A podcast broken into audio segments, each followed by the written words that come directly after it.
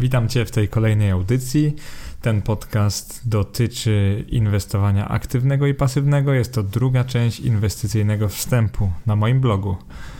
A jest to blog inwestomat.eu. Ja się nazywam Mateusz i będę dzisiaj po raz kolejny mówił o inwestycjach. Znowu jest to wpis raczej lekki, czyli nie będzie tu jakichś wielu liczb i obliczeń. Raczej będę Wam przedstawiał teorię, tak jak cały cykl inwestycyjny wstęp. Druga część e, z sześciu planowanych na dzień dzisiejszy. E, nawiążmy na samym początku trochę do pierwszej, czyli do spekulacji a inwestowania. Mm, znacie już profil działania, czy tam profil psychologiczny spekulanta inwestora. I dzisiaj powiemy sobie o inwestowaniu aktywnym, które może prezentować zarówno spekulant jak inwestor, oraz inwestowaniu pasywnym, które raczej przejawia inwestor. Raczej nie słyszałem o czymś takim jak spekulant, który inwestuje pasywnie, ale zaraz zrozumiecie dlaczego. Zacznijmy w ten sposób. E, co, o, o, co właściwie chodzi? Co to znaczy inwestowanie aktywne i pasywne? To jest bardzo ważne, bo jeżeli sobie wpiszecie to w Google, to znajdziecie dwie klasyfikacje. Pierwsza z nich dotyczy stylu inwestowania inwestora. Aktywny, czyli agresywny, to jest taki, w którym szybko dokonuje się wielu transakcji, trzyma papiery na rachunku raczej krótko i nastawia się na niekoniecznie wielki, ale ważne, żeby szybki zysk. No i to jest związane mocno ze spekulantem. Pasywny styl inwestowania natomiast, zwany także defensywnym, to jest wykonywanie minimum transakcji, posiadanie aktywów przez maksymalną długość czasu, możliwie nawet dłużej niż 10 lat i nastawienie na wysoki zysk rozłożony w długim okresie czasu, najczęściej na dywidendy i odsetki. Oprócz stylu inwestowania, jeżeli używamy tych samych słów, inwestowanie aktywne i pasywne, możemy też podzielić w ten sposób fundusze inwestycyjne, czyli na aktywne, klasyczne, po angielsku to jest mutual fund. Dosłownie jest to po prostu fundusz wspólnego inwestowania. W Polsce wyróżnia się otwarte i zamknięte. Otwarte znaczy, że można do nich łatwo przystąpić, zamknięte, że jest to trochę bardziej skomplikowane i często trzeba mieć trochę więcej gotówki. Na czym polega taki fundusz aktywny? Jest to zwyczajnie jednostka lub instytucja wybierająca konkretne aktywa do portfela, czyli zachowująca się jak taki inwestor. E, tylko że dużo większy. Natomiast pasywne fundusze inwestycyjne, o których już poruszyłem co nieco, właściwie powiedziałem o nich dość dużo e, we wpisie o inwestowaniu w 2020 oraz we wpisie o portfelu emerytalnym. Ta jednostka jest tańsza niż aktywny fundusz. Naśladuje ona już jedynie istniejące indeksy, czyli już nie jest taka myśląca, po prostu naśladuje indeks, na przykład warszawski WIG20 lub nowojorski S&P 500. I teraz inwestor aktywny. Podkreślam, inwestor aktywny. Kim on jest? Jest to naj, najczęściej taka bardziej dojrzała odmiana spekulanta. Być może bardziej e, poinformowany spekulant. To jest osoba, która zawiera dużo transakcji, licząc na po prostu zabranie tu i tam kilka procent zysku, jak najczęściej. Taka osoba płaci dość wysokie prowizje, niestety dla niej ale możliwie czasami jest w stanie złapać jakąś górkę lub dołek, po prostu gdzieś tam przyciułać kilka procent. Jego przeciwieństwem to jest taka osoba, która nie ma tyle czasu na inwestowanie najczęściej, albo jest bardzo cierpliwa, czyli ten inwestor pasywny lub defensywny. To jest taki tradycjonalista, rzadko dokonuje transakcji, trzyma papiery przez wiele, wiele lat. I on tak naprawdę buduje sukcesywnie przez długie lata swój portfel taki ala emerytalny, czyli samo inwestowanie pasywne ma dużo wspólnego z inwestowaniem na emeryturę, chociaż niekoniecznie to jest inwestowanie na emeryturę. Można w ten sposób oszczędzać na dom na przykład. E, więcej o takim profilu przeczytasz w tym wpisie o portfelu emerytalnym na twojej IKE lub IKSE. Jeżeli nie masz czasu na inwestowanie, to już z marszu na samym początku podcastu polecam skupienie się na tym pasywnym stylu oraz na pasywnych funduszach, a dlaczego powiem to już zaraz. E, zacznijmy od aktywnych funduszy inwestycyjnych, czyli tych tradycyjnych. One istnieją na rynku, zwłaszcza na rynku w USA, od tak naprawdę tak długo, jak istnieje giełda. Od zawsze polegały na tym, że zatrudniają dość sporo osób, zwłaszcza analityków giełdowych oraz różnych konsultantów znających się na branżach. E, są dość drogie, to jest zdecydowanie ich minus. Drogie oznacza, że nie dość, że pobierają opłatę na wstępie, to jeszcze pobierają taką całkiem wysoką opłatę roczną. Najczęściej jest to gdzieś od procenta do 3%, chociaż spotkacie się z tańszymi i droższymi. Więc jakby nic nie obiecuję, ale to jest taka najczęstsza e, skala prowizji. Jest to dość dużo, bo niezależnie czy te zyski są, czy ich nie ma, wyobraźcie sobie, że co roku musicie uiścić opłatę w wysokości 3% zwłaszcza jeżeli fundusz zaliczył kiepski rok, może to nie być najlepsza opcja. I teraz, jakie idee stoją za tymi funduszami aktywnymi? We wpisie też to dość fajnie na rysunku rozrysowałem. Przede wszystkim jest to taka selekcja aktywów, czyli ta wiedza, doświadczenie, próba znalezienia najlepszych spółek. E, za co oczywiście te fundusze kasują dość wysokie opłaty. Ich wyniki są zróżnicowane. To, to jest dość racjonalne, bo wyobraźcie sobie, że taki fundusz aktywny może na przykład posiadać papiery tylko 10 spółek, podczas gdy pasywny posiada całe indeksy. No i cały indeks, oczywiście w zależności od indeksu, będzie to czasami 20 spółek, a czasami nawet 100 lub 200, lub nawet 500. E, jeżeli chodzi o te fundusze pasywne, to też do, na rysunku widzicie, jest takie zestawienie. E, główną różnicą jest to, że są one tańsze. Czyli chodzi o to, jeżeli gospodarka danego kraju lub regionu rośnie, jeżeli firmy są coraz mocniejsze i zarabiają coraz więcej, to przecież logicznym jest, że średnio każda poszczególna firma też będzie rosła. Podkreślam średnio, bo będą bankruci, ale też będzie bardzo dużo dobrych spółek. Więc myślenie tutaj jest takie: po co mamy płacić ekspertom, tym analitykom giełdowym, finansowym, grube pieniądze, jeżeli możemy kupić cały indeks, udział w całym indeksie.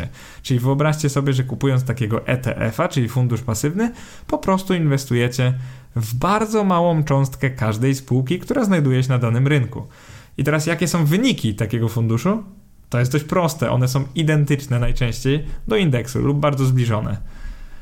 E, wzrost popularności inwestowania w fundusze pasywne nastąpił w ciągu ostatnich e, właśnie 20 lat. One w ogóle istnieją od 93.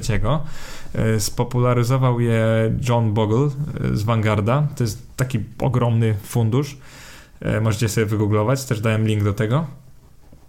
Myślenie było bardzo proste klienci z czasem powinni zacząć kupować te fundusze, bo ze względu na ich prostotę, bardzo dobre stopy zwrotu, takie same jak indeks y, oraz niskie koszta. I co to znaczy takie same jak indeks? To po prostu znaczy, że naśladując indeks, one zawsze będą go, rozumiecie, nie tyle co pokonywały, będą mu dorównywały. A statystyki w internecie różnie podają, ale z tych aktywnych funduszy zazwyczaj jedynie około 20-30% y, pokonuje indeksy. Czyli bardzo ciężko jest postawić na tego najlepszego konia, więc po co stawiać w ogóle? Takie jest myślenie. Więc John Bogle napisał też kilka książek o inwestowaniu w ETF-y. Bardzo polecam, zwłaszcza The Little Book of Common Sense e, Investing. Ona, z tego co wiem, nie została przetłumaczona na polski, więc polecam osobom anglojęzycznym, ale jest naprawdę fajna. E, to jest troszkę tak, że autor ciągle pisze o tym samym, ale warto sobie to przyswoić, bo naprawdę taki sposób inwestowania będzie dla Was bardziej przystępny i tańszy przez długie lata. E, jak spojrzycie sobie na historię tych e, ETF-ów, zobaczycie, że od 93 do 2000 tak naprawdę ich popularność no, nie rosła tak drastycznie. Wszystko zaczęło się po kryzysie z 2008 roku, kiedy naprawdę skokowo, bardzo dynamicznie zaczęły rosnąć. E, I tych takich produktów inwestycyjnych e, z około 2000 nagle zrobiło się bliżej 8, a aktywa takich funduszy w miliardach dolarów to jest w tej chwili 6 tysięcy. No i teraz 6 tysięcy miliardów, co to znaczy? To jest 6 bilionów, bardzo dużo pieniędzy. Wyobraźcie sobie. Jeżeli chodzi o fundusze aktywne i pasywne, przede wszystkim, no co z tego? Na co wam ta informacja, że ETF-y się stają coraz bardziej popularne? No na nic, sama w sobie. Więc spójrzmy, czy są popularne wobec tych aktywnych funduszy, albo jaki po prostu, jaką część rynku w tej chwili stanowią. E, powiem szczerze, rosną dynamicznie, nie da się ukryć, ale dalej ich aktywa to jest jedynie około 10% wszystkich aktywów inwestycyjnych w Stanach. I podkreślam wszystkich aktywów na zasadzie funduszy, aktywów funduszy. Czyli jeżeli ktoś inwestuje, właśnie kupuje jednostki funduszu, inwestuje poprzez fundusz, to jest 90% szansa, że jego aktywa są w funduszu aktywnym, czyli tym wybierającym dynamicznie y, akcje i obligacje, a tylko 10%, że ma, ma je w funduszu takim indeksowym, czyli ETF-ie. Jak widzicie, tendencja jest jednoznaczna, tak? ETF-y są coraz bardziej popularne, ludzie doceniają ich niskie koszta i wyniki, ale dalej ich udział w rynku nie jest jakiś oszałamiający. I powiem Wam szczerze, gdybyśmy to badanie przeprowadzili w Polsce i sprawdzili, ilu polskich inwestorów ma na rachunku właśnie ETF-y. Zarówno te notowane w Polsce, jest ich dosłownie kilka, tam koło sześciu, jak i ETF-y zagraniczne, które też polecam w innych wpisach i sam posiadam kilka. E, jestem ciekaw, czy ta liczba wynosiłaby nawet 1% e, wobec tych tradycyjnych funduszy aktywnych. E, dlaczego tak jest? No w Polsce ETF-y jeszcze nie są za bardzo popularne, ale uważam, że powinny być. Dlatego też nagrywam ten podcast, dlatego też macie do dyspozycji ten wpis stojący za tym podcastem.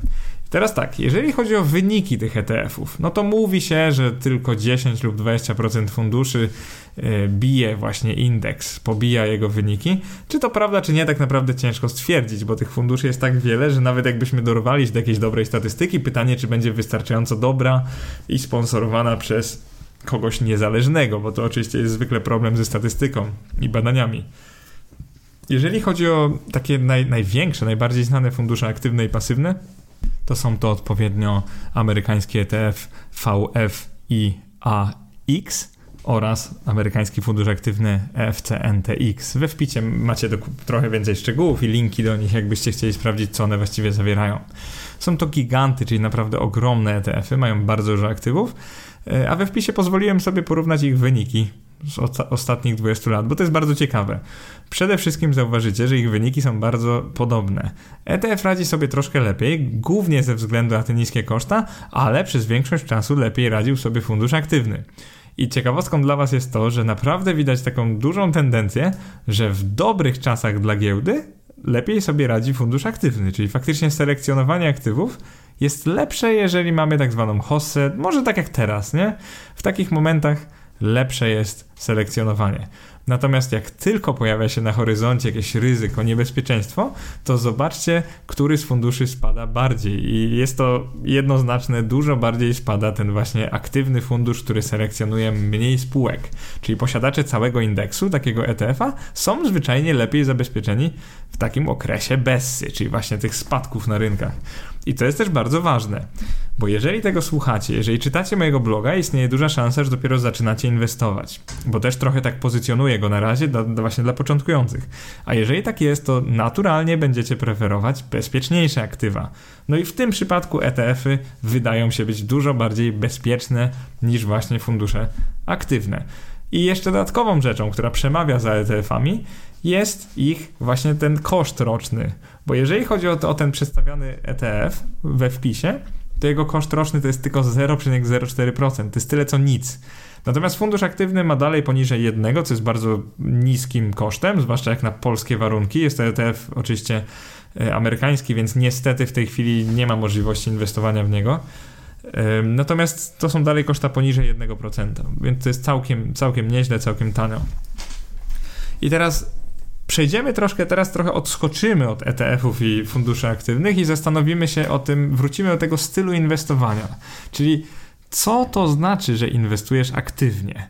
No więc tak, inwestor aktywny lub agresywny wcale nie znaczy, że on kupuje fundusz aktywny, czyli fundusz tradycyjny. I teraz nie zrozumcie mnie źle, ale inwestor aktywny raczej preferuje samemu dokonywać wszelkich decyzji. Czyli to jest taka osoba, która sama chce ewaluować, czy warto kupić dane akcje, obligacje lub nawet kontrakty terminowe, czyli derywaty, i taka osoba zwykle sama podejmuje decyzję.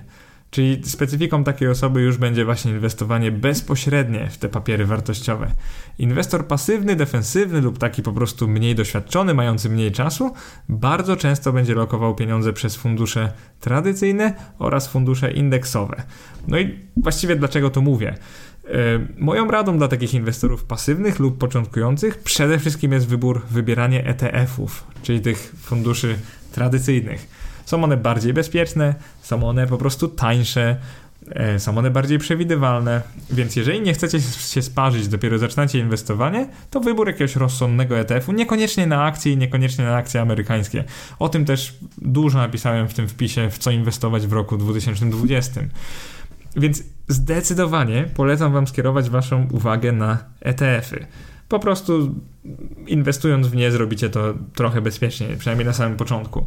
Jeżeli chodzi o fundusze tradycyjne, czyli te selekcjonujące aktywa, o wiele bardziej polecam Wam poczytać trochę książek, posłuchać może moje podcasty, poczytać to, o czym piszę, zwłaszcza, że w przyszłości będę dużo głębiej wchodził w analizę finansową. Dopiero zaczynamy, więc tak naprawdę jeszcze dużo o tym nie znajdziecie na moim blogu, ale moją intencją jest właśnie coraz, coraz więcej wchodzić w szczegóły tego, jak inwestować, na czym polega ta analiza finansowa i tak dalej, i tak dalej. Oraz kiedy akcje są tanie, przedstawić Wam trochę statystyki moich przemyśleń i ogólnie pomóc Wam zacząć ten start w świat inwestowania. To jest dla mnie bardzo istotne, żeby właśnie w ten sposób pozycjonować ten podcast podcast i blog. Więc y, przykładowo, jak jesteście początkujący i chcecie inwestować co miesiąc jakieś średnio małe kwoty, to bardzo dobrym startem jest właśnie kupowanie takich ETF-ów i nie przejmowanie się konkretami, czyli tym, w co dokładnie jest pod tymi ETF-ami, bo tam najczęściej jest nawet 500 lub 600 aktywów. I taką bardzo dobrą regułą dla Was, zwłaszcza dla początkujących, jest to, że im mniej czasu chcecie poświęcić na prowadzenie portfela, tym bardziej pasywnie inwestujcie. Czyli nikt nie jest takim jednoznacznie aktywnym lub pasywnym inwestorem, ale zdecydowanie działa tu dobrze reguła, że jeżeli już widzicie, że macie problem nawet z czytaniem mojego bloga, jeżeli chodzi o kategorię inwestowanie, czyli na przykład jest dla Was zbyt szczegółowa, może po prostu nie lubicie tego, to taką regułą kciuka jest po prostu zacznijcie jeżeli nie macie na to czasu lub pasji, inwestujcie pasywnie. Będzie to dla Was tańsze, będzie to powodowało mniej bólu, będziecie spać spokojniej i z czasem docenicie samo inwestowanie i może dzięki tym stopom zwrotu się przekonacie, żeby zacząć to robić bardziej aktywnie, jeżeli będziecie czuli się na siłach. E, podsumowując ten podcast, e, jest to koniec drugiego podcastu z cyklu Inwestycyjny Wstęp. Planuję nagrać takie krótkie notki do każdego z nich. Jest to bardzo ważny cykl, Przede wszystkim dlatego, że przedstawiam Wam taką teorię inwestowania. Czyli to są takie rzeczy, do których się będę bardzo dużo odnosił później, czyli w kolejnym cyklu, czyli takim podstawowym kursie finansowym, który tak naprawdę już zacząłem, bo już mamy taki wpis o akcjach i obligacjach, więc tak naprawdę już możecie poczytać trochę o konkretnych aktywach, jak działają i tak dalej, i tak dalej. Natomiast w tym cyklu inwestycyjny wstęp bardzo ważne jest dla mnie, żebyście mieli tą podstawę teoretyczną, żebyście rozumieli właśnie, kim jest spekulant, a kim jest inwestor. Później, żebyście zrozumieli, ok, mamy inwestora, on może inwestować aktywnie lub pasywnie. Na czym takie inwestowanie tak naprawdę polega? Dla kogo jest dobre? Jakie inwestowanie będzie dobre dla Was? I to jest bardzo, bardzo istotne. E, na samym początku zwłaszcza, czyli wyobra wyobrażam sobie, że macie teraz kilka tysięcy złotych i macie taką zdolność do oszczędzania paręset złotych, nawet może 100 złotych miesięcznie. To jest bardzo istotne, żebyście po pierwsze zrozumcie, że inwestowanie zawsze się opłaca, czyli zawsze warto zacząć. To nie jest taka rzecz, którą warto odkładać i czekać na kwotę na przykład 50 tysięcy złotych, bo to zwyczajnie nie ma sensu. Inwestować warto od naprawdę małych kwot, ja zacząłem osobiście od chyba 1000 zł w roku 2011, więc wyobraźcie sobie, że też miałem taki dość skromny start, ale tak naprawdę najlepiej się uczy właśnie na takich kwotach. I nawet mając tą kwotę, możecie sobie zrobić takie mini portfolio. Pamiętajcie oczywiście o prowizjach, czyli nie kupujcie tych akcji poniżej około 700 e, zł na transakcję, nie kupujcie obligacji poniżej około, jeżeli dobrze pamiętam, 1600 zł. Teraz mówiłem banku akurat o e-maklerze. Natomiast zagranicznych ETF-ów nie kupujcie poniżej nawet 6600 zł, bo po prostu inaczej przepłacacie prowizję. E, o tych kwotach też przeczytacie w tym wpisie o portfelu emerytalnym, jeżeli dobrze pamiętam, ale na 90% tam, e, więc rzućcie okiem na te wartości prowizji, bo naprawdę warto się dowiedzieć, e, jakie są te minimalne kwoty inwestowania. To jest cholernie istotne, jeżeli w długim terminie chcecie mieć dobre wyniki. Nie przepłacajcie prowizji maklerskich jedna z takich ważnych zasad. Więc podsumowując już ten, ten podcast, bo tak naprawdę wyczerpałem temat, e, zachęcam Was do przeczytania wpisu. Jest tam trochę danych, trochę tym razem nie tabelek, tylko wykresów, także czyta się o wiele przyjemniej. E, nie zawalam Was tabelkami. E, bardzo Wam dziękuję za słuchanie, za czytanie mojego bloga, za udostępnianie, polubienie strony na Facebooku i tak dalej, i tak dalej. E, chciałbym też ogłosić, że już mój newsletter ma w tej chwili ponad 30 osób. Może nie jest to jakaś ogromna liczba, ale jestem naprawdę szczęśliwy, że się zapisujecie. E, zwłaszcza, że na razie wysyłam tylko update, ale w przyszłości będę na pewno robił dużo więcej z tym newsletterem, czyli traktuję to jako takie najbliższe grono e, inwestorów. Dziękuję Wam bardzo za wysłuchanie i zapraszam na następny podcast już niedługo. Cześć.